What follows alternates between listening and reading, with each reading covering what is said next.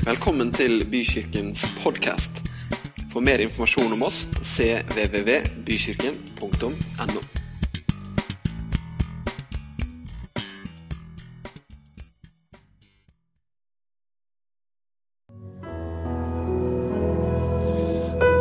Takker deg, Jesus, for at du er her.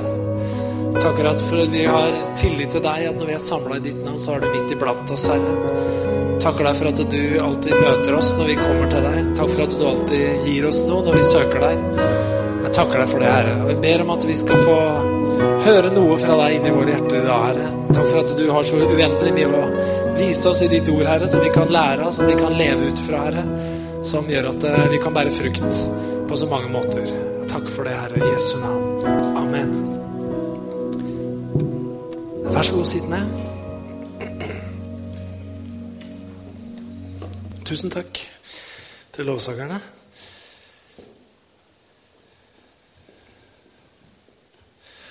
Jeg vet ikke hvor mange av dere som var her forrige søndag og hørte på Gunnar Bekkevold. Var det, var det noen som var her forrige søndag? Ja, ikke sant? Han snakka om lufta som vi puster i. Og det, det var veldig bra. Det ga meg veldig mye, det han snakka om da. Og jeg skal på en måte ikke akkurat fortsette på det temaet, men eh, jeg skal snakke om litt, et tema som kan ligne litt, som har litt med det samme å gjøre. Det er noe med liksom den næringa som vi drar inn i livet vårt. Da. Jeg skal snakke om røtter i dag, som du allerede har skjønt. Eh, jeg hadde ei rot hjemme. Det er en sang som går sånn 'Gubben dro, og kjerringa dro' og Jeg vet ikke om hønene dro, eller hva det var. Altså, men alle dro, men rota ville ikke flytte seg. Hørte jeg. Ja, jeg hadde en sånn rot hjemme. da. Eh, vi felte et tre utafor kjøkkenet vårt som begynte å bli altfor stort altfor nærme husveggen. Og jeg var redd for at røttene skulle søke seg inn mot veggen der hvor vannkrana var og stadig drypper litt. og sånn. Søker etter vann. Og vi fikk jo ned det treet. Det gikk i grunnen veldig fort å få ned det treet. Det var jo bare å ta motorsag og få det her fort ned. Eh, og det her var litt på høsten, så vi tenkte vi tar, vi tar rota til våren. For når vi kikket på den rota, så skjønte vi at den rota blir nok ikke så enkel. altså. Og det ble den ikke. Men når våren kom, så hadde vi litt mye å gjøre. Og sånn, og så fikk vi ikke tatt den rota med en gang, faktisk. Eh, ikke sant? Og så, Men det som begynte å skje, var at det begynte, å, det begynte å skyte opp masse nye greiner av den rota her som var ordentlig godt nede. Og tenkte å nei, nå kommer det treet igjen, liksom. Nå må vi ta rota, ellers så blir det aldri kvitt det her. Så vi fikk en kjempejobb, mildt sagt, med å få bort den rota. Måtte leie store maskiner og det ene og det andre. Men da ble vi liksom kvitt det her. Men det er noe med det at når røtter er dype, når røtter har stått lenge, så kan du hogge ned treet. Du kan hogge ned det som er synlig, helt ned. Tenke at nå er det ferdig. Men er rota i orden, så har det en utrolig evne til å skyte opp friske skudd igjen. Og det er sånn med oss mennesker òg at har vi dype røtter, har vi et solid rotsystem, så tåler vi mye. Vi kan bli hogd skikkelig ned, altså. Ordentlig kvesta. Men har vi skikkelige røtter, så er det utrolig hvordan folk kan reise seg igjen og skyte friske skudd. Eh, det går også an å være rotløs. Jeg skal få opp det første bildet her. Jeg skal prøve å være litt sånn brei til meg. Det er sikkert en del som kjenner igjen eh, den her. Klassisk 'Rotløs ungdom' fra 1955. En film som eh, Det var den norske tittelen. Den engelske tittelen var 'Rebel Without a Cause'. Med James Dean. Var en sånn ikonisk, eh, Han døde jo før filmen faktisk kom ut, i, i en bilulykke. Eh, Det handler om Jim Stark. Han, eh, James Dean var Jim Stark i den filmen. Han har nettopp ankommet en by med sine foreldre. Eh, og Det er krevende tid. Det er første skoledag. da, han har kommet til fyllearresten. Han skal finne plassen sin et nytt, på et nytt sted. Og Hele filmen handler om da de første 24 timene. Der vi følger hans kamp for å bli akseptert for den han er. På skolen, i gjengen og hjemme hos foreldrene. Og Vi ser en knivkamp. Det er litt sånn chicken race med to biler som kjører mot et stup. Og den som hiver seg ut sist før bilen kjører utenfor stupet, vinner. ikke sant? Det er litt sånn tøffe greier. Men det er en film da som handler om tilhørighet, identitet. Det å være rotløs ungdom det kan ha noe plass i livet osv. Dette kom i 1955. Og jeg har tenkt litt på det her med, med røtter. da. Jeg, jeg, jeg skal snakke om Jesus snart. Og røtter. Og Jeg skal snakke om livet våre, men jeg tenker også at det her med røtter det handler ikke bare skjønn meg riktig, om Jesus, for Gud har gitt oss Gud har gitt oss også noen ordninger som jeg tror han vil vi skal leve etter. Jeg tror Gud har gitt oss noen saker og ting rundt oss her i denne verden som vil at vi skal forholde oss riktig til. Og i den tida som kommer, 1950-tallet, 60-tallet, 70-tallet, så er det en sånn opprørstid. ikke sant? Jeg skal nemlig slå et slag for tradisjoner i dag også. Og På den tida her så var det veldig mye opprør mot tradisjoner. Eh, når jeg vokste opp, så var liksom det Jeg vokste opp på 70-tallet. Jeg var barn på 70-tallet. Det var liksom det var veldig mye opprør mot alt som var etablert. Jeg mener Ungdommer skulle ha så langt hår som mulig, fordi foreldregenerasjonen hadde jo kort hår. ikke sant? Foreldregenerasjonen de hørte på sånn snill sånn musikk, så ungdom skulle ha så mye bråkete musikk som mulig. ikke sant? Fordi at du skulle være i opposisjon til det. Altså Det skulle være veldig, det var veldig imot. ikke sant? Dere kjenner igjen det, mange av dere som vokste opp da, som kanskje er litt eldre enn meg også. Og vi fikk den berømte 68-generasjonen. ikke sant? Og hele etter den filmen her var ikke den som utløste det. Men det er klart, det hadde vært en tid, det var ikke lenge siden krigen. Krigen var ti år siden den var ferdig. Eh, det hadde vært nasjonalisme. ikke sant? Vi, folket, uniformer. Alle er like. ikke sant? Vi marsjerer i takt. Og det hadde gått fryktelig gærent. Så det er ikke så veldig rart at det kanskje kom en sånn bølge med individualisme. da, At nå er det liksom enkeltmennesker vi må ta vare på. Det er jeg som står i sentrum. ikke sant? Det er ikke en eller annen makthaver og en eller annen fascist som skal bestemme hvordan vi skal leve. Men det her ruller videre. Og nå så spør man, nå er det, nå er det litt sånn endra. For nå spør man deg, hvor har ungdomsopprøret blitt av nå? Har dere hørt det? Sosiologene lurer litt på det. Hvor blir det av ungdomsopprøret? For ungdommen i dag de er så snille. Jeg så en artikkel på NRK om ei dame som het Berit. Hun var 48 år. Hun hadde vært punker da hun var ung. Så bilde av henne ung var hard, sinna, masse ringer i ørene. Så mange hun bare kunne. Sikkert ti ganger så mange som mora. ikke sant? Og så hadde hun fått datter. da. Amanda hun er 22 år. Veldig ordentlig med perleøredobber og gjør alle lekser og er kjempesnill. Og hun, mora hun lurer på herregud, hvordan fikk vi så streite unger. Ikke sant? Hva er det som har skjedd her? Ja, hva er det som har skjedd, egentlig? Jeg har lyst til å snakke litt om det. Jeg skal prøve å stille noen spørsmål. Om vi skjønner betydninga av det her med røtter, og hva som skjer med dem, og hvordan vi kan få dem. Det betyr nemlig noe å ha et sted å høre hjemme. Og det er jo helt fantastisk med å bli kristen at du kommer inn i en familie også. Du kommer inn i Guds familie. Men det handler om enda mer om det, tenker jeg. Det betyr noe å høre hjemme. Det betyr noe å ha røtter. Eh, en som heter Levi Henriksen, forfatter, han har skrevet en bok som heter 'Snø vil falle over snø som har falt', som handler om den 37-årige Dan eh, Caspersen. Og han, han har flytta mye. Og han føler seg sånn som det her. Det her har vi en slide på. Det står Årene med navnet sitt på stadig nye postkasser hadde gjort at han var like hjemme eller hjemløs overalt. Og dialekten var blitt slik han følte seg selv. Ingenting. Det er en litt sånn god beskrivelse. Han har flytta så mye.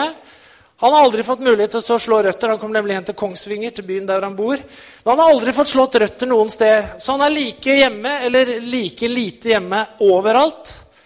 Og dialekten hans er akkurat sånn som han føler seg. Ingenting. Og saken er at det er det mange mennesker som føler i dag. De føler ikke at det er noen ting. De føler ikke at det betyr noen ting. Og det kan veldig godt være mye av svaret på det er at man mangler rett og slett røtter. Og røtter er viktig. Nå skal jeg begynne å snakke litt om Jesus, for det er ganske interessant med Jesus og røtter, og også om våre røtter. Vi skal få opp et vers her fra Åpenbaringen, den siste boka i Bibelen, hvor det står noe om Jesus. Han sier om seg selv som følger Jeg, Jesus, har sendt min engel for å vitne om dette for dere i menighetene. Jeg er Davids rotskudd og ett, den klare morgenstjernen. Åpenbaringen 22, 16.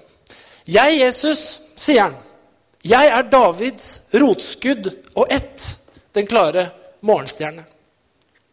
Og Det her blir sagt andre steder også om at Jesus blir kalt for Davids rotskudd. Og rotskudd det var akkurat det vi fikk hjemme utafor kjøkkenet vårt. Det treet som vi hadde der, som var så, det var jo kjempestort, det hadde vi hogd ned så det var bare så mye igjen av rota som stakk oppover bakken. Men den rota var sterk, og opp av den rota så kommer det nye skudd. Og Jesus sier om seg selv at 'jeg er et sånt rotskudd'. Jeg kommer fra et sted. Jeg har røtter et sted som går lenger tilbake enn da jeg ble født. Og Bakgrunnen for den profetien her, det er 1. Samuels bok 16, 10-13, hvor profeten Samuel han velger ut Israels nye konge blant sønnene til Isai. Og Et sted så kaller han seg I Jesaja 11,1 så profeterer eh, Jesajas, profeten Jesaja det er vel ca. 850 år før Jesus kommer, så sier han det at en kvist skal skyte opp fra Isais stubbe. Et skudd skal spire fram fra hans røtter. Isai det var jo faren til David. Han hadde flere sønner. Og Derfor ble Jesus kalt for Isais rotskudd. Så det her begynte altså langt langt tilbake i tid. At noe av den krafta som Jesus dro eh, sin blomstring ifra, eller sitt liv ifra, når han kom på banen, det var røtter som var tilbake til David og til Isai mange hundre år tidligere. I alt så er det 14 ledd fra Abraham til David.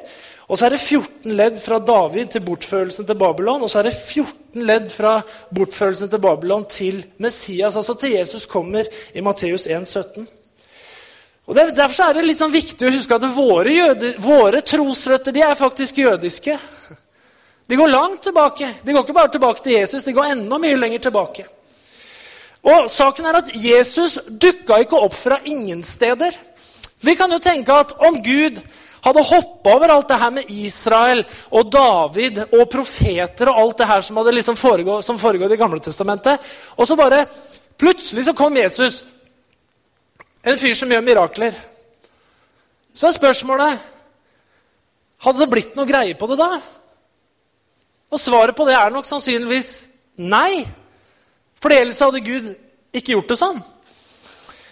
For det at Gud han gjør utrolig mye for å skape røtter for Jesus og det han skal gjøre. For spørsmålet er hvorfor måtte det ta så innmari lang tid før Jesus kom på banen? Løftet om at Jesus skulle komme, at det skulle komme en frelser, det blir jo faktisk gitt med en gang syndefallet er et faktum. Når Gud sier følgende til djevelen I 1. Mosebok 3,15 så sier Gud til djevelen, til slangen, fiendskap setter jeg mellom deg og kvinnen. Og din ett og hennes ett, han, og da snakker om en som skal komme, han skal knuse ditt hode, og du skal knuse hans hæl. Her er liksom første profetien om Jesus. Det er 4000 år før han dukker opp. Cirka.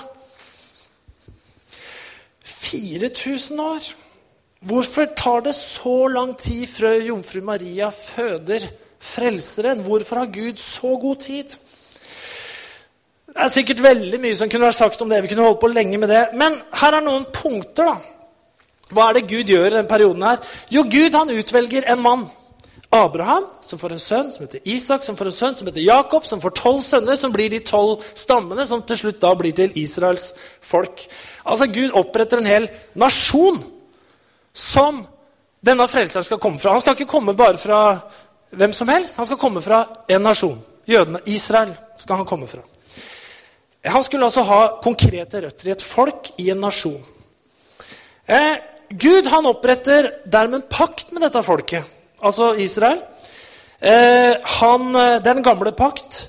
Og så viser han på ulike måter hvor stor han er på dette folket. Han gjør fantastiske tegn, under mirakler. Han er med dette folket på mange mange måter gjennom alle disse åra.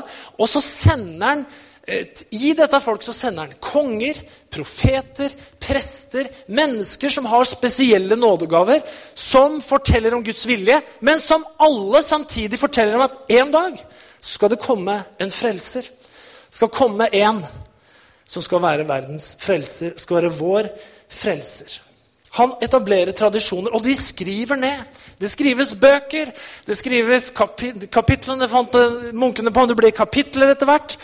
Og det blir tradisjoner som overleveres. Og det er fester, det er høytider som Gud sier dette skal dere gjøre hvert år. Hvert år skal dere gjøre det her, osv. osv. Det er masse linjer i Gamle Testamentet, og alt peker fram på Jesus. Og den største og den viktigste kongen av alle, det var David, som lagde et stort kongerike Israel har aldri vært så stort, verken før eller siden, som under Davids tid.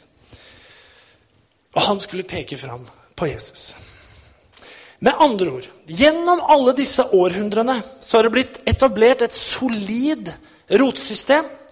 Det er kulturelle, det er skriftlige, det er muntlige tradisjoner som har blitt etablert over lang tid. Noe som ikke lett rykkes opp. Så her kommer Jesus, jøden. Han er jødisk i sin identitet, i sine tanker, i sine handlinger. Og ikke minst så har han en plattform å stå på.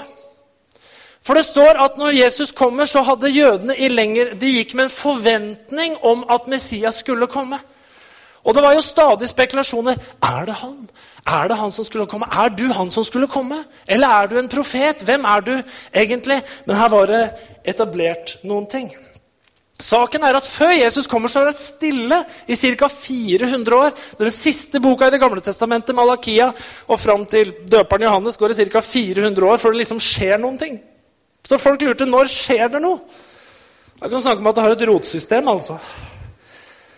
Det er ikke liksom snakk om hvem er øverst på hitlista denne uka. her. Altså det, er, det er noe som er ganske dypt her. Så kommer Jesus. Det frodige treet Israel, det er hogne.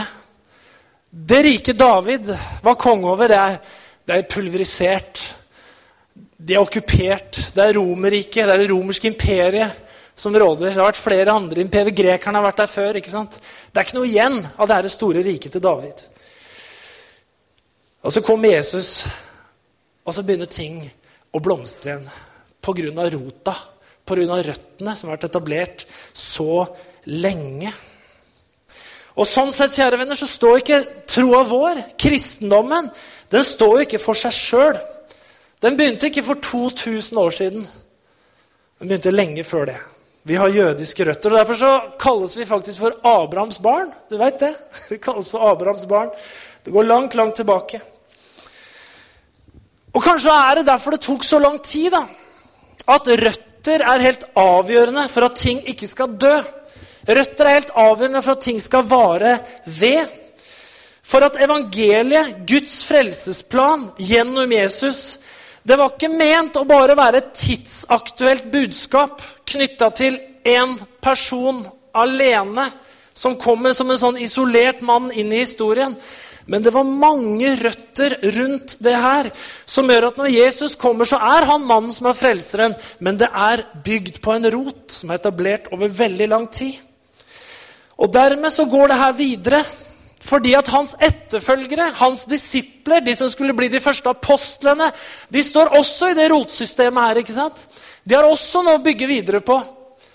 Og så bærer evangeliet seg videre, generasjon etter generasjon. Og så står vi her i 2017, i Tønsberg, og er en del av den samme rota. Røtter gjør at ting blir solidere. Det blir varig, det blir robust, langvarig. Det tåler tidas tann. Det tåler at riker kommer og går. Det tåler politisk bråk. Det tåler utrolig mye. Henger du med? Åssen er det med røtter i våre liv? Åndelige og andre. Hvor avhengig er vi som enkeltindivider av å ha røtter i livet våre? Og i så fall, hvor har vi dem? Og har vi dem? Jeg tror Det er faktisk, det er veldig viktig å forstå på mange plan. Altså Røtter, hvis vi snakker om trær, da, så er det, det er jo et rotsystem. ikke sant? Vi har jo sånn rotfrukt som bare er liksom gulrot. Det er en rot. Det er én sånn. Men hvis vi snakker om trær, så er det et rotsystem. Kanskje det fins trær som har én rot, ikke vet jeg, men jeg tror at alle trær har sånn rotsystem. Eh, I hvert fall de trærne det står om i Bibelen. For det står ganske mye om trær i Bibelen. faktisk. Det står om oliventrær, om vintre og det er litt forskjellige trær sånn, som det står om. Men det er, det er liksom et flertallsord. da. Røtter. Og vi, våre, vi trenger å ha røtter i mange forskjellige områder. Eh, vi, har, vi, har, et fantastisk privilegium når vi blir, eh, kommer til å tro på Jesus. Og det, det, har jeg lyst til å bare lese inni her. I, eh, i Romerne 11,24 så står det noe utrolig fint. Der står det at du ble avhogd av det oljetreet, eller oliventreet, som av naturlig er vilt. Det snakker til oss, da, oss hedninger. Og mot naturen ble du poda inn i et edelt oljetre. hvor mye mer skal de da, da de naturlige greiene bli innpoda i sitt eget oljetre, som de etter naturen hører til? Her snakker Paulus litt til jødene, også til oss hedninger. Han skriver til romerne. Romerne var jo mange hedningekristne. Men det er også mange jøder i Roma når han skriver det her. Og Da snakker han om dette oljetreet. Da. Da snakker han om Israel. ikke sant? Og da snakker han om det at det, er et edelt oljetre som er planta av Gud. Og da er det sånn at Mange av de greiene som egentlig hører hjemme der, jødene, de har forkasta Jesus. Så de har hogd av dette treet her. Altså De har hogd av rotsystemet, og da dør man. ikke sant? Det vet du, det er fascinerende. Beskjære trær hjemme i hagen kan være flotte, kraftige greiner. Så skjærer man dem av. De ligger på bakken i to dager, ikke sant? så begynner alt bare å visne. Man mister kontakt med rotsystemet. Men så sier, eh, så sier Paulus her at det er fantastisk at vi som egentlig ikke hører hjemme der, da, i Israel, som egentlig ikke hørte hjemme i det treet der. Vi som er ville, vi har fått lov til å bli poda inn i det treet. Inn i det treet som er etablert lang tid tilbake. Så får vi lov å dra næring ifra det rotsystemet som er etablert gjennom profetene, gjennom kongene, helt tilbake fra Abraham ikke sant? og alt det her, den jødiske den, den, jødiske eller israelske nasjonen. Det syns jeg er fantastisk å få lov å komme til en sånn tilhørighet som det. Det er ganske utrolig fint, altså. Eh, men det er bra da med røtter. Det har alle skjønt nå. Røtter er bra. Eh, ting varer ved. Det skyter nyskudd. Eh, å ikke ha røtter, være rotløs, som vi også kaller det, det er ikke bra. Og man kan jo kjøpe et tre. Jeg har gjort det et par-tre ganger vel, opp gjennom mitt hageliv. har vi kjøpt trær. Da går du til hagesenteret, og så ser man et tre som man får lyst på i hagen eller på gården, og så er det en rotklump på det treet. Det treet kan jo være veldig fint, og jo større det er, jo dyrere er de. Og så skal man da få det her til å etablere seg i ny jord. Og det går jo an. Det går an for et tre å etablere seg i ny jord. Hvis, jorda, hvis man vil det, eller kanskje jorda er dårlig et sted, så kan man få det til. Men vi vet at det er veldig sånn eh, skjør fase da, i starten. Du må grave et stort hull, og så må du vanne veldig mye hele tida. Sånn at røttene begynner å suge næring og få feste i den jorda som det blir planta i. Og Da spiller det faktisk ingen rolle hvor stort og flott det treet er. Om røttene ikke får feste, om røttene ikke utvikler seg, så dør treet før eller siden. Og da går det ikke bra med treet. Hvor har vi røtter hen? Rekker vi å etablere røtter eh, for tida, dere? Har vi tid til det? Det er faktisk mye bedre å ha litt røtter enn ingen røtter. Og det er faktisk bedre å ha store røtter i dårlig jord enn å ha veldig små eller fraværende røtter i veldig god jord. Kan ha den beste jorda, kan ha det beste luftforholdet, vanning, men om det ikke er røtter, så dør du allikevel. Litt om vår identitet, dere. Fordi at mye av det som var rundt Jesus òg, det handla om identitet. Det handla om identitet. Og vi formes. Vi skaper røtter gjennom barndommen vår gjennom ungdomsåra våre, gjennom viktige valg vi gjør, gjennom kulturen og de sosiale betingelsene vi har rundt oss, og gjennom de åndelige betingelsene som vi har i livet vårt. Når vi er små, så liksom er vi Ja, hvem er du da, lille venn? Hva kan det bli av han? Og litt seinere ja, det ser ut som han kan ha potensial til å et eller annet. ikke sant? Og når det kommer opp i der hvor jeg er nå i livet, så er det, så er det ikke så mye sånn der, ja, han har potensial til. liksom. Da er det mer sånn Ja, han er sånn og sånn. Sånn er, sånn er det jo, altså. Jeg kjenner sjøl at jeg ikke tenker så mye på potensialet mitt hele tida lenger. Altså. Det gjorde det da jeg var yngre. Jeg var 20 år så var det sånn, å, jeg drømmer om, ikke sant, jeg skal, og Så, videre. så blir det 50 år snart, som jeg blir i år. Så er det sånn her, ja, det er det, det er det jeg er, ikke sant? Det høres kjedelig ut, sier du. Det er ikke så kjedelig. Det er faktisk veldig deilig på mange måter. Så bare gled deg til det. Eh, men dette er ikke min påstand, men mange Det sies at vi lever i en rotløs tid. Gjør vi det? Svaret på det er sikkert både ja og nei, og at det alltid har vært sånn. Men det kan være i større eller i mindre grad. Allikevel så er det sånn i dag at ensomhet sies å være et stort problem i samfunnet vårt. At mange opplever at de er så aleine. Altså at man ikke er kobla sammen med noe, noen andre, med noe større. Man lever aleine her i livet. Og det er ikke bra. Det er ikke bra for oss mennesker. Vi trenger å ha folk å leve sammen med. Vi trenger å ha et rotsystem hvor vi er kobla sammen med andre. Og kanskje det er sånn at, og det her er litt å tenke på i forhold til hvordan vi lever. Fordi at vi lever i en veldig individualistisk tid. Det gjør vi. Absolutt. Eh, og det er mye bra med individualisme. Det er mye bra med at du og jeg får lov å være litt sentrum innimellom. Er det ikke det? At vi kan motta aksept og kjærlighet, at vi kan få lov å tenke at vi kan få gjøre ting vi drømmer om. alt Det her. Det er jo veldig mye bra med det. Men det kan jo også være at det går så langt at det slår litt, og kanskje ganske hardt, tilbake også. Jeg har drivet og lest litt rundt. fordi at eh, Hvis vi går tilbake til 60-tallet og 70-tallet og kanskje 80-tallet, så var det veldig mye altså man opprør mot tradisjoner. altså. Det var liksom, det var viktige greier. Tradisjoner må vekk, og tradisjoner er bare død og fordervelse. Og vi har vel kanskje hørt noe av det i eh, pinsekristen sammenheng òg, at tradisjoner det er nesten djevelen altså, i åndelig forkledning. ikke sant? Altså, det er liksom Tradisjoner det må liksom vekk for enhver pris. Så er det en som skriver i Bergens Tidende en artikkel, en som heter Karsten Jensen. Han skriver jeg bare et bitte lite utdrag. Han sier sånn her er det like mange rotløse mennesker i verden som det er rotfaste? Er rotløshet like naturlig stadium som rotfasthet? Nå er sjansen her. I dag fødes vi alle som rotløse.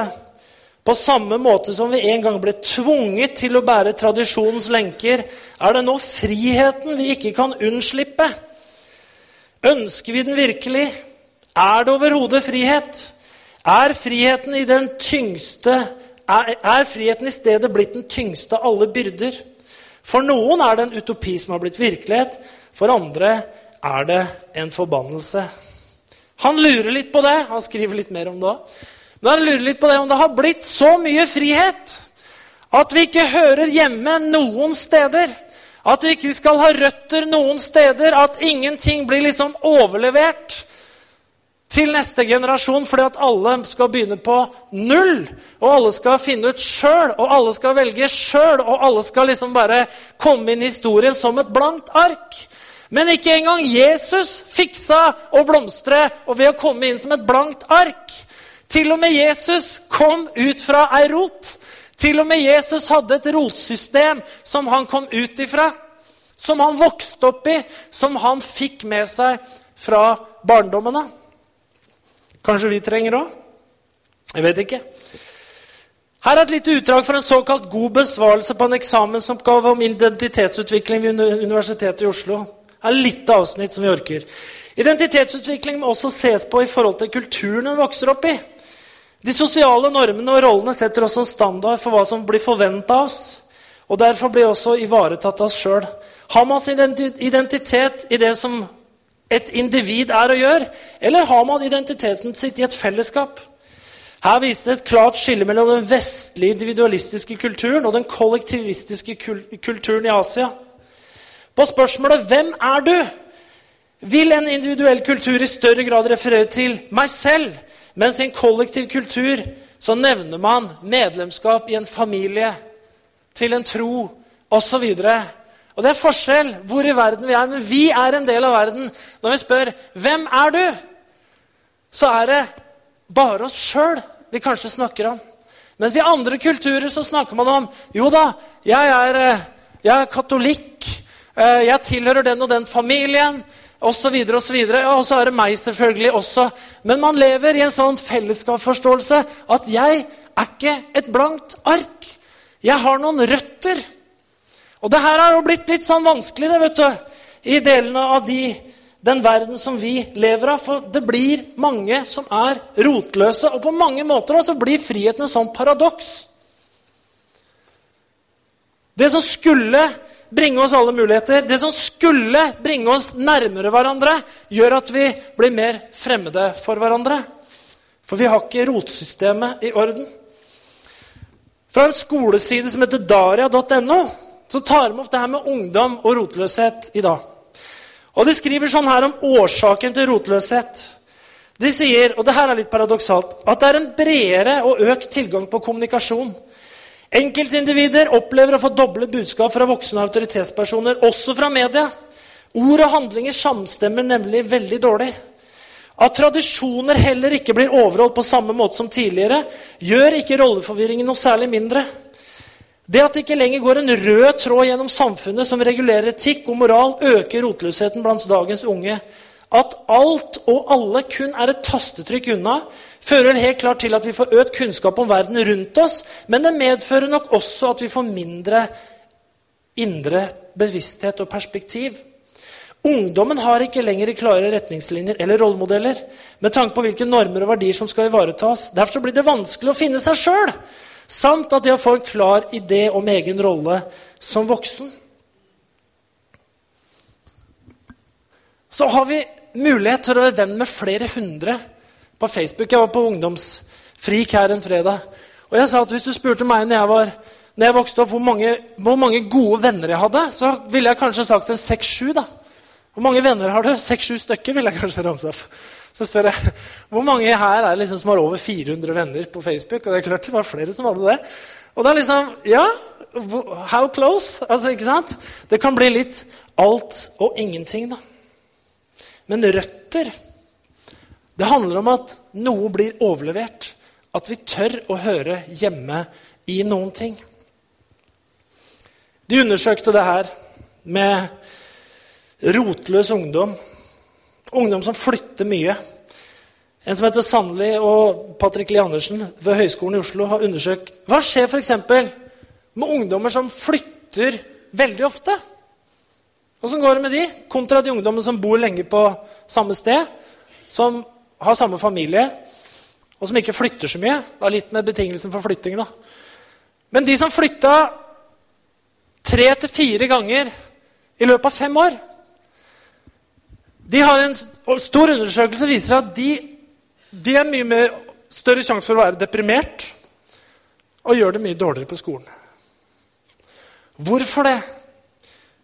Og De peker på og mener at de mangler De får aldri tid til å etablere røtter. De får aldri tid til å etablere røtter med familie, med venner, med sosiale de har rundt seg. Man må få etablert røtter for å kunne blomstre. Og Når vi leser i Bibelen, så er det sånn at Gud han har jo gitt oss han har ikke bare skjønn, meg rett nå, han har ikke bare gitt oss Jesus. Gud har også gitt oss mennesker så mye mer å forholde oss til enn bare at vi skal si takk, Jesus. Jeg mener ikke, nå mener jeg bare et gåsetegn, for det er det største vi har. Det er selvfølgelig at Jesus kom og ble verdens frelser. Men Gud har gitt oss noen ordninger Gud har gitt oss noen verdier. Gud har faktisk gitt oss en viss sånn der institusjonell tenking som vi skulle holde fast ved og praktisere, sånn at vi veit hvem vi er. At vi har et sted hvor vi hører hjemme. Og kanskje når jeg snakker om det nå, så er det noe som brytes inn i noen her og tenker her er det godtestykket for meg. Og det kan det gjøre for oss, men der tror jeg Guds nåde kommer og kan hjelpe oss. Men han ga oss noen ting som har med identitet å gjøre. Det første man gjerne kikker på når det gjelder identitet. Når man kommer til verden her, så pleier i hvert fall vi var litt opptatt av det.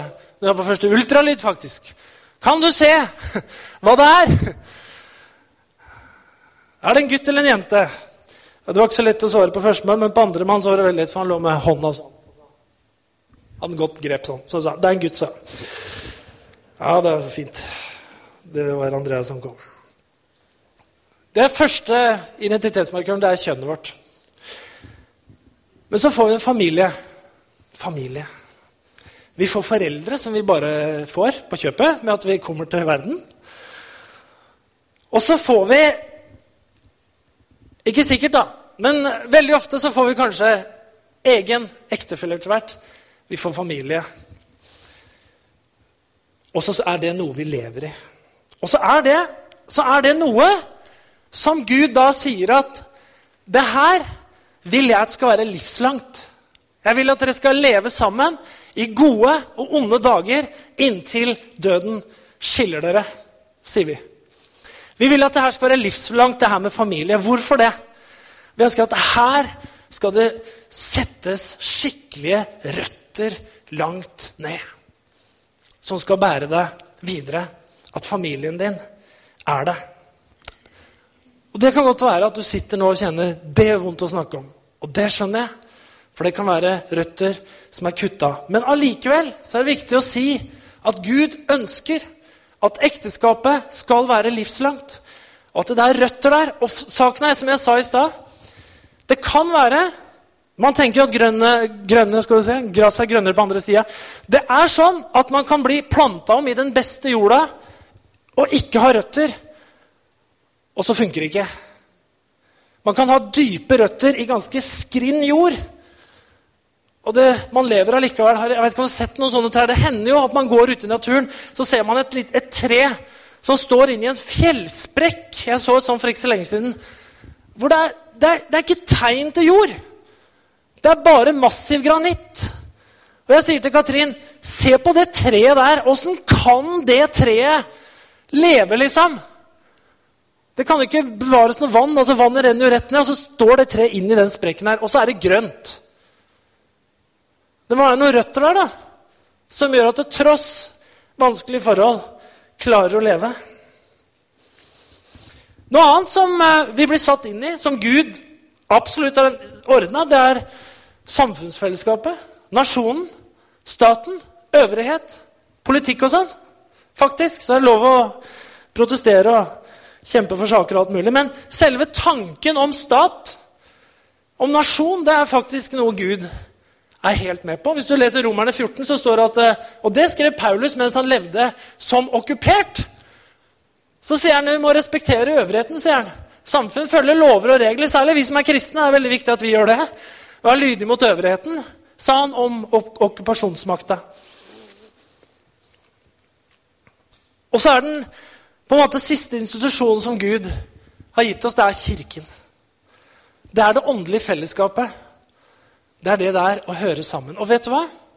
Alle de tre her, familien, samfunnet og kirken, er tenkt som ordninger, institusjoner, vi skal leve livslangt i. Rett og slett. Livslangt med familien vår. Både mor og far, selv om vi flytter hjemmefra, selvfølgelig. Eh, med ektefellen vår, med barna våre. Samfunnet vårt. Det er liksom jeg melder meg ut av samfunnet. Jeg husker jeg var sammen med en i militæret som var et sånt punkband. Og, og, og, liksom, Hva er liksom hovedteksten på sangen deres? Nå kommer jeg til å si et banneord. bare for å være sånn autentisk her. Men han sa at ja, vi synger stort som at uh, samfunnet er for jævlig. Det er liksom stort sett det vi synger om. Sånn. Ja, ok, ok, så Alt gikk på det hele tida. Han ville gjerne melde seg ut. Men, men Gud han, han, ønsker at vi skal være en del av samfunnet på en positiv måte. Livslangt. Og kirken, det er noe vi lever i hele livet. Det er et livslangt forhold, et fellesskap som vi har. Og det som Hvis du leser i Bibelen, så vil du se at alle de tre områdene det skal vi snakke opp. Hedre din mor og din far, så skal det, godt, skal det gå deg godt, og du får leve lenge i landet. Vi skal snakke opp familien vår. Yes, ikke sant? Det skal vi snakke opp. Vi skal snakke opp politikerne våre. Husk på å be for øvrigheten, for alle som er i høy stilling. Be om at det skal gå bra for dem. Vær lydig mot de som er satt over dere, for de bærer ikke sverdet for ingenting. Det er en Guds tjener for å straffe urettferdighet. ikke sant? Romerne 14. Snakk det opp! Hva med kirken? Ta vare på lederne deres. De lederne dere har, skal dere akte dobbelt ære. ikke sant? Det har vært dobbel lønn osv. Hører Bent Ove? Dobbel lønn. Også, de skal snakke det opp! Ikke sant? Fordi at det her skal vi høre hjemme. Og sånn er det. ikke sant? Kan, man ser jo, Jeg skjønner at folk rømmer fra krig. jeg skjønner alt det her. Og noen rømmer fordi de tenker det skal bli fantastisk mye bedre i Norge. Jeg så et uh, NRK-program tror jeg det var, fra et uh, asylmottak. Der var det alle mulige slags folk. Og noen av dem var uh, mange av dem var ressurssterke, de hadde utdannelse, de hadde i hvert fall papirer på at de var ressurssterke. og så videre. Og de hadde drømt om et bedre liv her. Og så kan vi diskutere systemer, og alt mulig, men der satt de nå fast. Og det som var så vondt, det var Jeg har jo ikke familien min her. Jeg har jo ikke liksom gutta som jeg drakk kaffe med på hjørnet, som vi satt og prata Jeg har mista nettverket mitt. Jeg har blitt skåret av fra røttene mine. Og da hjelper ikke hvor mye velstand og bra jeg har her i Norge. Jeg har det ikke bra. Jeg blomstrer ikke, for røttene mine er skåret av. Og så videre. Og det her med Så det kan også være kan være bra for noen. Noen ganger er det suksess å bli planta om. Absolutt, ikke sant? Det går an, det. Og noen ganger er det flott å få gjort det her i livet. Men i utgangspunktet Og så kan det være sånn med kirkefellesskap også. Vi er jo liksom kanskje karismatikere. altså, Unnskyld, men jeg har sett folk som har flytta og flytta og flytta på seg. Jeg har flytta på meg også i, i mitt uh, menighetsliv. Det er ikke det. Men noen mennesker kommer inn i en sånn Man får aldri slått rot noe sted. Man må flytte på seg og flytte på seg og flytte på seg. For det er jo så bra jord der borte. Og det er jo så bra jord der nå. Og der har de gjødsla noe enormt. Som ditt må jeg, for der kommer jeg til å vokse. Og så flytter man på seg og flytter man på seg og flytter man på seg. Og så går det 30 år, da. Og så sitter man aleine uten et kirkefellesskap. Fordi man har ikke slått rot noe sted. Og ungene de har jo ikke skjønt hva foreldrene holder på med hele tida. Så de går ingen steder og forsvinner ut, og så er hele rota brutta. Så er det ingen røtter der lenger. Ikke sant? For Gud tenker ja, det går an å bli plantet, men utgangspunktet så er det fellesskap som er ment å vare livet ut. Og det er noe av det vi snakker om i visjonen her. ikke sant? En kirke hvor alle generasjoner kan leve og være. ikke sant? Eller akkurat, jeg husker ikke, i hvert fall alle generasjoner. Og det er noe med det at det skjer jo hvis det er et livslangt fellesskap. Det er noen røtter der. Det er noe som blir solid. Ikke sant? Jeg husker det vi starta ny menighet. Å, grøss, altså. Ingen røtter, vet du, omtrent. Da merka jeg det det er bare noe som er i veggene på steder som har vært en stund. Det bare er der. Det er noen røtter der som er vanskelig å si nesten hva er. Men det er røtter. Og bryter vi stadig opp, bryter vi stadig opp familiefellesskapet, samfunnsfellesskapet, kirkefellesskapet, så er det én generasjon som får lide, og det er den neste. Og vi tenker ofte det når vi er individualister. Det er meg. Jeg er et blankt ark som klarer meg sjøl. Som ikke skal stå i noen tradisjoner. Som ikke trenger de gamle røttene. Men vi gjør det, vet du. Jesus trengte det. Da trenger jeg det også. Det er bare innsett.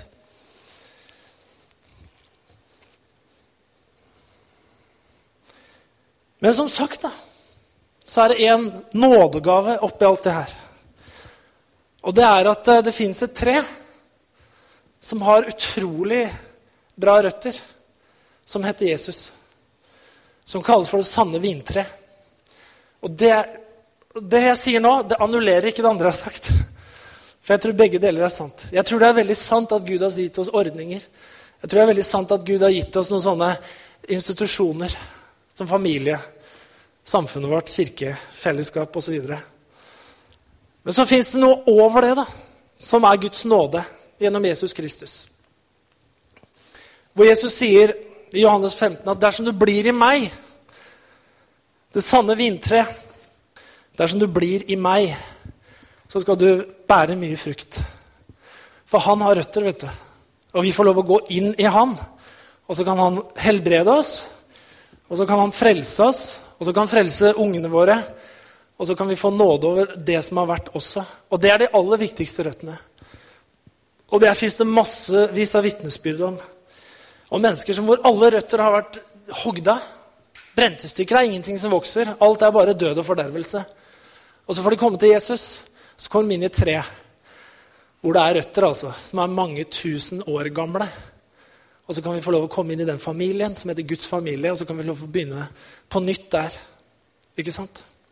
Når vi er der, så vil Gud også at vi skal slå røtter. Det her er rotsystemet vårt.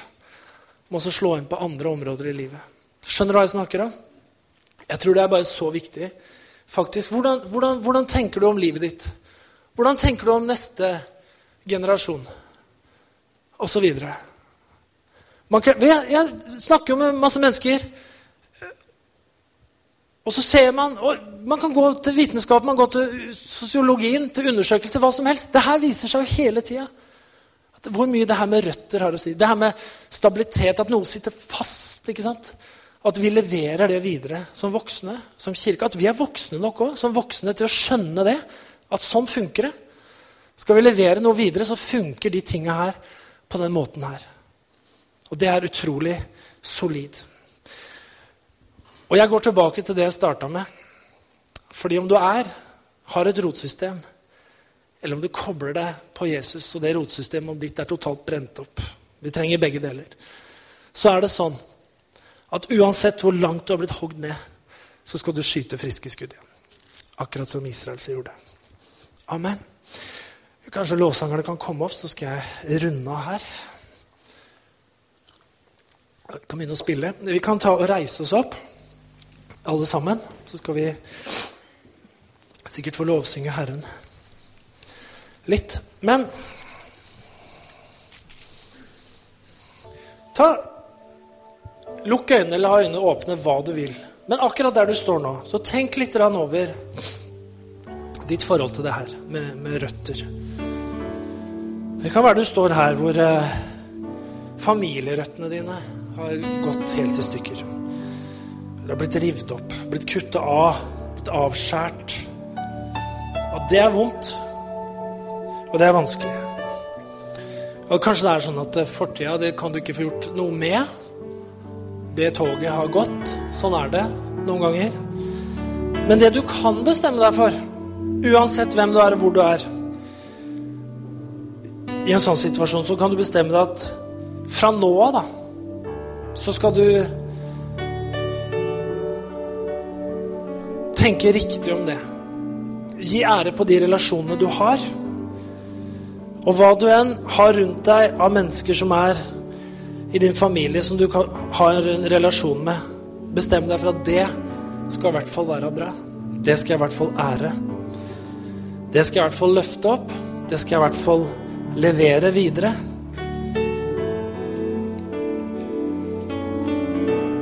Eller om du er her som føler deg utafor i samfunnet? Det er et ganske svært spørsmål, da. Men føler du det, så hører du hjemme, altså. Du hører hjemme. Og det kan være at det er bra for deg å begynne å tenke positivt istedenfor negativt om det samfunnet du lever i. Sjøl om det er mye negativt i samfunnet. Noen mennesker blir forgifta for de er så i opposisjon til alt av ordninger som er rundt dem i samfunnet, at man er i konstant krig. Du tjener ikke på det. Kirkefellesskapet kan godt være du er her som har hatt røtter som er blitt kutta hardt av. Hvor det er et sår, hvor det er vanskelig. Men det kan du også bestemme deg for å gå videre med. Bestem deg for at jeg skal slå røtter. Jeg skal slå røtter. Jeg skal slå røtter. Og noen ganger så er ikke jorda den aller beste. Det er det ingen steder. Men slår du røtter, så vil det vokse. Du vil vokse. Kir kirkefellesskapet vil vokse. Og det vil bli velsignelse for deg og for neste generasjon. Amen. Og det siste og aller viktigste det er hvis du er her som ikke har fått kobla deg inn i det sanne vintreet som heter Jesus. Han som virkelig har røtter å tilby, altså. Langt, langt tilbake og like inn i himmelen. Så er det en fantastisk mulighet til å si ja til han. Og koble deg på han. All den krafta som fins i det treet, for det er enormt.